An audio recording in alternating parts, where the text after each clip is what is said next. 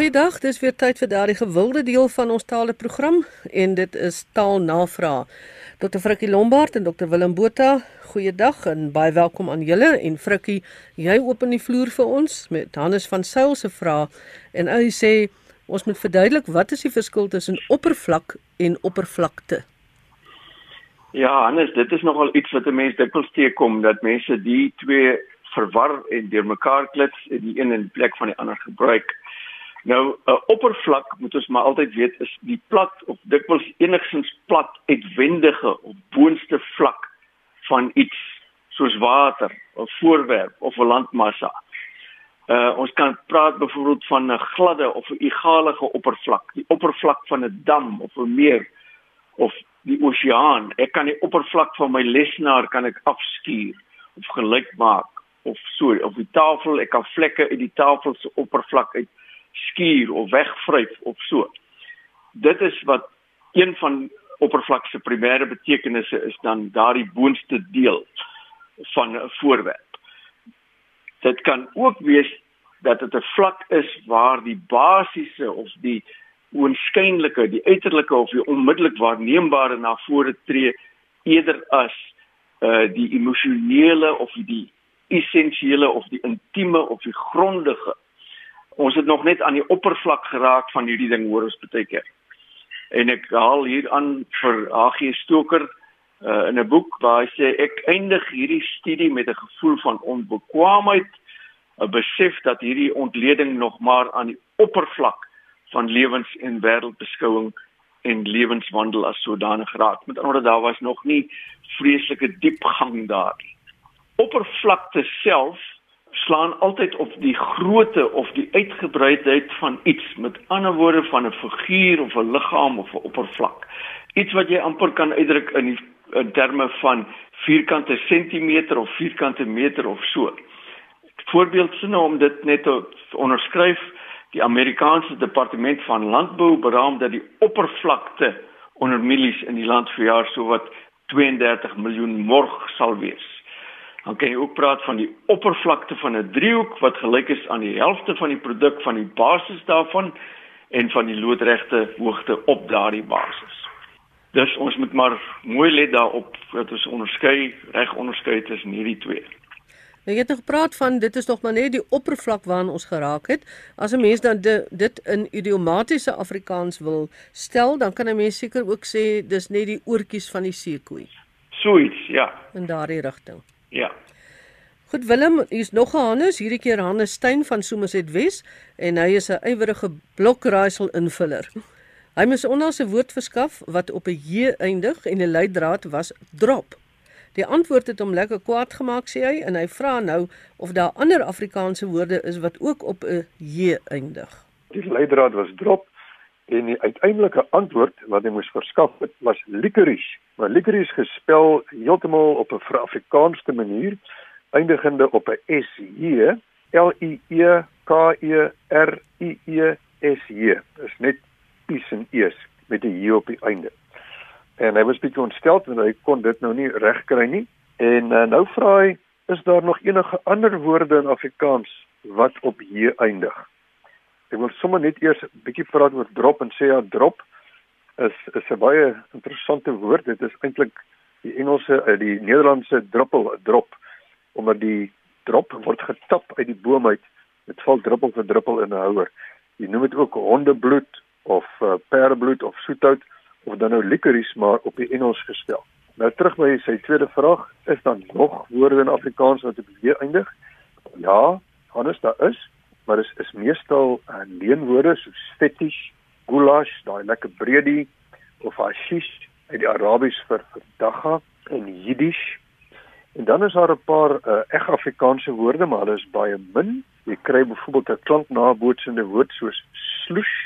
Dit is 'n uh, nabootsing van die geluid wat jy hoor as jy deur die mod loop elke slag as jy jou stewel of jou skoen optel, dan is daar so 'n suiggeluid. Dan is ons noem dit jy soes deur die moeras. Ons dan ook sulke sinne as voorbeelde in die WAT ons sê deur die moeras gesloes. Dan kry jy ook nog 'n enkele paar ander woorde so smash wat kom uit die Engels smash en dit is maar dieselfde verskynsel as by licorice dit is 'n geselstaal en dit is 'n verafrikaansing van die Engels. Nou 'n smash is dan nou letterlik 'n ongeluk waar twee voertuie in mekaar vasgery het of dit kan ook meer figuurlik gebruik word en en dui op 'n groot mislukking of 'n geweldige stryd tussen twee partye. Ons het hier 'n aanhaling uit 'n rapport in die Woordeboek van Afrikaanse taal. Pollock het gewaarsku oor 'n groot smash in die buiteparlementêre politiek, 'n groot stryd, 'n groot botsing. So, dit is die antwoord. Daar is wel Afrikaanse woorde wat eindig op j, maar hulle is baie rar. Dis of uh, leenwoorde of informele woorde in Afrikaans uh, vir Afrikaansings van byvoorbeeld Engelse woorde. Nou as jy nou die aand nie alleen was nie, dan sê jy in die later aand sish en nie meer sis nie. Dan eindig hy ook op 'n j. Ja, dit is nog 'n 'n derde gebruiker se alkoholiese een ja. Dis wanneer jy nie alleen is nie. Goed, Frikkie, waar kom ons aan die woord pedaal? Wil Koen Redeling huis weet. Kom ons sê maar net eers wat ons verstaan daaronder is natuurlik 'n hefboom wat jy trap om 'n bepaalde werking van 'n toestel of 'n masjien te aktiveer of te beheer of selfs te beëindig. Vreemde sinonieme daarvoor is trapper en voetpedaal. Jy kry byvoorbeeld die verstelbare pedale van 'n motor van 'n jy kan 'n pedaal van 'n naaimasjien intrap om hom te laat werk ensovoorts. Dit kan ook wees 'n hefboom wat by musiekinstrumente soos die klavier, die orgel, die pouk en die harp getrap word om onder andere sê maar die volume of die toonhoogte van die instrument te laat verander. Dit kom uit die Latyn pedalis wat beteken wat by die voet behoort of behorende tot die voet uh, en in vulgêr Latyn het, het dit 'n naamwoord geword pedale en ons het natuurlik dan die naamwoord daar pedaal Daar's 'n liedjie wat ons altyd gesing het wat so gaan oom Piet trap die petrol dat ons vinniger kan ry. Ja. Nou daai petrol is eintlik 'n pedaal, Dit kan 'n mens sê. Ja, ons kan 'n mens sê. Ons, maar, ons praat van die petrolpedaal, ja. Jy maar kan 'n mens sê ons trap die petrol? Ja, dit is dit is mos maar nou net 'n inkorting. Jy verstaan daaronder uh die petrolpedaal eintlik. Ja. En dit is baie dit is baie algemeen dat dit so gebruik word. Ja. Toto, jy gee 'n gedeelte vir die geheel. Presies. Daar het jare gelede 'n vrou voor ons huis gestop. Ek was nog op skool. Toe sê sy vir my pa, "Oom, oom moet help, my petrol het gebreek." Hmm. Jy bedoel sy so, petrol kabel het gebreek, die pedaal wil nie werk nie. Ja. My petrol het gebreek. Wat het jy gesê Willem noem 'n mens daai verskynsel? Parsprou toto, 'n uh, gedeelte vir die geheel. Eendag sal ons daaroor gesels. Mm. Willem, Willie Pretorius vra dat ons daarop wys dat die werkwoord haas slegs wederkerend gebruik word. Byvoorbeeld ek haas my na die dokter. Jy kan dus nie iemand na die dokter haas nie. Ja, Willie uh, wys daarop dat in die uh, koerante en uh, oor die radio word dit gesê ons het hom na die hospitaal gehaas en hy sê dis verkeerd en hy haal aan uit die jongste uitgawe van Skryf Afrikaans A tot Z wat lui die werkwoord haas word slegs wederkerend gebruik. Jy haas jou. Jy kan dus nie iemand anders na die hospitaal haas nie. So iemand word haastig of gou na die hospitaal gebring of die beseerde word inderhaas of spoedig of in alle haas of in aller eil hospitaal toe geneem. Nou dit is so en jy vind dit so in die meeste woordeboeke dat dit is slegs wederkerend en dit beteken met spoed handel iets vinnig probeer afhandel. En dan nou tradisioneel kom dit voor in 'n sin soos ek haas my om betyds klaar te wees. Met ander woorde, ek handel met spoed om betyds klaar te wees. Dit is egter vir my 'n 'n oorsig in die meeste woordeboeke 'n uitbeelding van die woord. Want as ek sê ek het my na die hospitaal gehaas, dan beteken dit nie ek het met spoed gehandel of iets vinnig probeer afhandel nie. Dit beteken ek het baie vinnig beweeg na die hospitaal. So ek dink dit is waar die uh, verwarring begin intree en miskien met ons in woordeboeke dan 'n tweede betekenis maak vir die wederkerende woordeboek en sê dit is vinnig beweeg. En ek sien iets hiervan in die nuutste uitgawe van die HAT. Hulle gee een definisie, maar die definisie lui met spoedhandel beweeg of werk. Nou beweeg is tog iets heel anders as met spoedhandel. Sywer uh, semanties gesproke nou. En dan sien hulle ook hulle het jou haas geskryf daar by die werkwoord en die jou tussen hakies geplaas. Met ander woorde, dis opsioneel, dis fakultatief. En dan gee hulle 'n voorbeeldsin. Hulle het hom na die hospitaal gehaas. En dit is nou juis wat die normerende bronne en ander woordeboeke sê nie korrek is nie. Maar dit lyk vir my hulle probeer hier weerspieël die ontwikkeling wat in Afrikaans plaasgevind het. Dat as dit gaan oor beweging, dan het hy nou 'n gebruik ontwikkel wat dit nie wederkerend gebruik word nie. Maar wat vir my interessant is, 'n mens sal nooit sê ek haas na die hospitaal nie. Jy sal sê ek haas met hom na die hospitaal. Daar's altyd 'n voorwerp. So dit lyk vir my daar het nou 'n bloot doodgewone oorganklike betekenis ontwikkel. Maar uh, hier is definitief iets aan die gang in Afrikaans terwyl die normerende bronne nog sê haas moet altyd net wederkerend gebruik word. Is hier 'n baie groot toename in die gewone oorganklike gebruik van die woord nie in 'n wederkerende gebruik nie. En sommige woordeboeke soos die HAT begin reeds daaraan erkenning te gee. So dis baie interessant. Uh wil jy baie dankie vir jou bydrae. Ek stem saam met jou, maar dit wil vir my lyk of daar begin word om erkenning te gee aan 'n breër gebruik van haas. Dankie Willem Frikkie. Hier is nou iets wat kort kort op ons pad kom. En dit is hmm. die spelling van op pad en huis toe. Een woord of twee woorde. Ehm um, yeah. so vra San Jakob. Sy wil hê julle moet 'n bietjie praat daaroor. Op pad wat beteken onderweg. Ek is op pad word ge gewoon los geskryf. En 'n mens moet maar dink aan ander dinge wat op saam met 'n met 'n uh, naamwoord verbind soos op skool, op universiteit, op kantoor, jy sal tog nooit die goeters vaskryf nie. So gebruik maar daardie as 'n riglyn as dit ware om vir jou te sê, man, skryf dit gewoon los. Maar mense sien geweldig baie dat dit vasgeskryf word. Nou die kwessie van huis toe of kerk toe, skool toe of werk toe is selfs 'n spelreël in Afrikaans en dit staan in die Afrikaanse woordelys en spelreëls reël 1555 en dit sê 'n bywoordelike verbinding bestaande uit 'n selfstandige naamwoord plus die woordjie toe word losgeskryf. Mense moet dit maar net onthou. Willem Wim is gefrustreerd met die uitspraak van paniekerig wat hy dikwels hoor. Nou hy sê hy hoor paniekerig in plaas van paniekerig. Waar kom paniek in elk geval vandaan vra hy? Ja, dit is so. Ek is bevrees mense hoor soms paniekerig. Dit jy hoor dit by sportuitsendings. Ek onthou uit my prille jeug dat ons dikwels 'n grappie gemaak het en gesê moenie paniekerig raak nie, want dit was bloot 'n grap. Nou dit lyk my party van die mense het uh nooit die boodskap gekry nie en gedink dit is nou die uitspraak.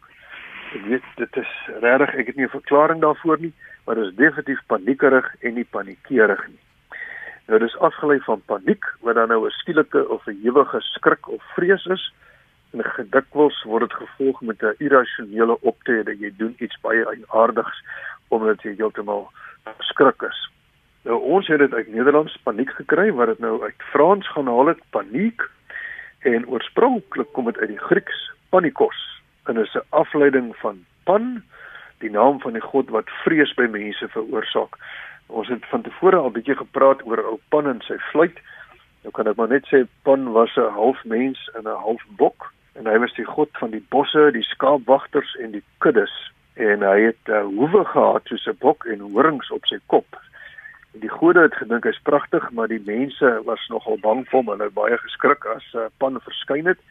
En dan was hy baie liefdevol en het hy vreeslik oogies gemaak vir die nimfe.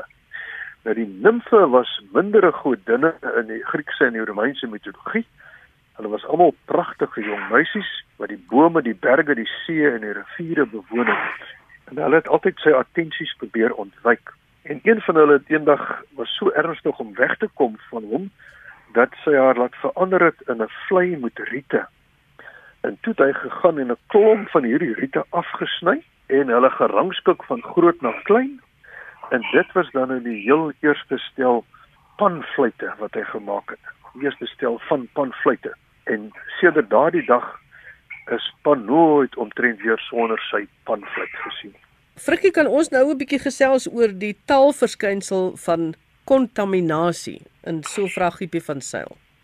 Ja, dit is die verskynsel dat twee of meer taalforme, dit kan woorde wees, woordverbindings, selfs sinskemas kan op grond van 'n ooreenkoms in strekking of begrip vermeng raak in die gees van die spreker of die skrywer en dan kan jy 'n nuwe 'n soort afwykende taalvorm kan jy daarvoor kry. Nou baie keer is dit maar net 'n uh, eh, uh, glips. Soms kom dit redelik dikwels voor, maar dit word steeds nie as standaardtaal aanvaar nie. En soms vind daardie kontaminasie vorm ingang wel in die standaardtaal. Gevalle wat 'n mens redelik dikwels kry, maar wat nog nie werklik as standaardtaal beskou word nie, is so iets soos omslommernis uh of omslommering wat eintlik saamgestel is uit omslagtigheid plus beslommernis. Die twee woorde loop dan half in mekaar in. Modderas wat deesdae nie meer vreeslik gebruiklik is nie wat modder plus moeras is. Pleks van wat uh gevorm is deur in plaas van plus in plek van met mekaar te begin verwar en die mekaar te laat loop. En ook so iets soos van voornemens wees. Terwyl ons net praat hy is voornemens om iets te doen en van voorneme wees. Die twee goeters word dan weer de mekaar laat loop. Gevalle wat um, waarskynlik reeds ingang gevind het, sluit in uh, iets soos koggelmander wat saamgestel is uit koggelman plus salmander en ook verassureer wat saamgestel is uit verseker plus assureer. Goed Willem, ons hoor dikwels dit gepraat word van die alma mater of die alma maters van 'n skool of 'n universiteit en uh, Elma vra jy moet tog asseblief verduidelik dat dit nie reg is nie. Uh jou alma mater is die skool, college of universiteit uh wat jy bygewoon het of waar jy jou kwalifikasies behaal het. Dit is afgelei of dit is twee latynse woorde, alma wat beteken voedend en mater wat beteken moeder. So dis die voedende moeder. So dit kan nie jy wees in die meeste gevalle nie. Dit is die instelling waar jy gestudeer het. Nou oorspronklik is dit gebruik as 'n term uh, in in antieke Rome om die godinne te beskryf. Die godinne was die voedende moeders. Maar hier in die 18de eeu rond het hulle begin in Brittanje om dit te gebruik om te verwys na jou universiteit waar jy studeer het. Die alma mater is dus 'n skool, kollege, universiteit waar iemand gestudeer het. As jy nou praat oor die persoon wat daar gestudeer het, dan is dit 'n alumnus vir die manlik en 'n alumna vir die vrou. En dit is nou iemand wat aan 'n universiteit studeer het, 'n voormalige student, jy kan ook van hom praat as 'n oud student. Uh, maar dis nou maar 'n 'n term uh, wat inslag gevind het. Alumnus beteken doeteenvoudig student en dit is nie sinoniem met gegradueerde nie. So jy hoef nie gegradueer te wees om 'n alumnus te wees nie. En baie interessant die die meervoud van van alumnus is alumni, maar as jy jy kan ook alumni gebruik vroulike en manlike persone wat aan 'n universiteit gestudeer het of daar hulle graad behaal het. So asseblief tog die mense is alumni, enkelvoud alumnus vir 'n man, alumna vir 'n vrou en die instelling waaraan hulle studeer het, dit is die alma mater. So ons drie is almal alumni van die Universiteit van Stellenbosch, maar die universiteit is ons alma mater. Mm, net so. Ek dink ons kan nog 'n laaste vraag inkry en dit gaan aan Frikkie. Hier is 'n vraag van Henny Cronje. Hy sê hy die woord stiekem en ek weet nie of ek dit reg uitspreek nie. Raak gelees op netwerk 24. Wat beteken dit en waar kom ons aan hierdie woord? Ja, dit is 'n baie interessante woord Henny. Uh dit kom uit Jiddisch. Ons het net ook gepraat van woorde wat Willem het gepraat oor woorde wat op j eindig. Jiddisch eindig op 'n sy. En uit Jiddisch stikke wat stilswye beteken kom hierdie woord. Nou Jiddisch is 'n taal wat deur baie Jode gepraat is met 'n woordeskat wat hoofsaaklik bestaan het uit 'n mengsel van Rheims-Duitse, Baltoslawiese en Hebreëse woorde. Uh en dit het val in Oos-Europa is dit gepraat, maar later het dit ook versprei. Dit staan ook bekend as Jode-Duits. Nou stiekem beteken op 'n heimlike of skelm manier of iets wat skelmpies plaasvind. Jy kan byvoorbeeld stiekem rook of stiekem wegglip uit 'n vergadering uit dit kan verder ook beteken dat dit uh dat jy iets op 'n ondiende of onnutsige of 'n stytige manier doen. Soms met so 'n uh, effense geliefsigheid jy kan stiekem konkel met iemand. Of jy kan iemand stiekem 'n naam noem, 'n sekere naam noem wat bietjie spottend is agteraf op 'n ondeende of onnutsige manier. Uh en dit is tog interessant dat die woord wel sy weg gevind het via die Jiddische taal na ook Afrikaans toe. Goed en dan net vir die spelling dis S T I E K E M. Baie ja. dankie dan vir die deelname aan vandag se program Dr Willem Botha en Dr Frikkie Lombard. Ook dankie aan jou wat geluister het en groete tot 'n volgende keer.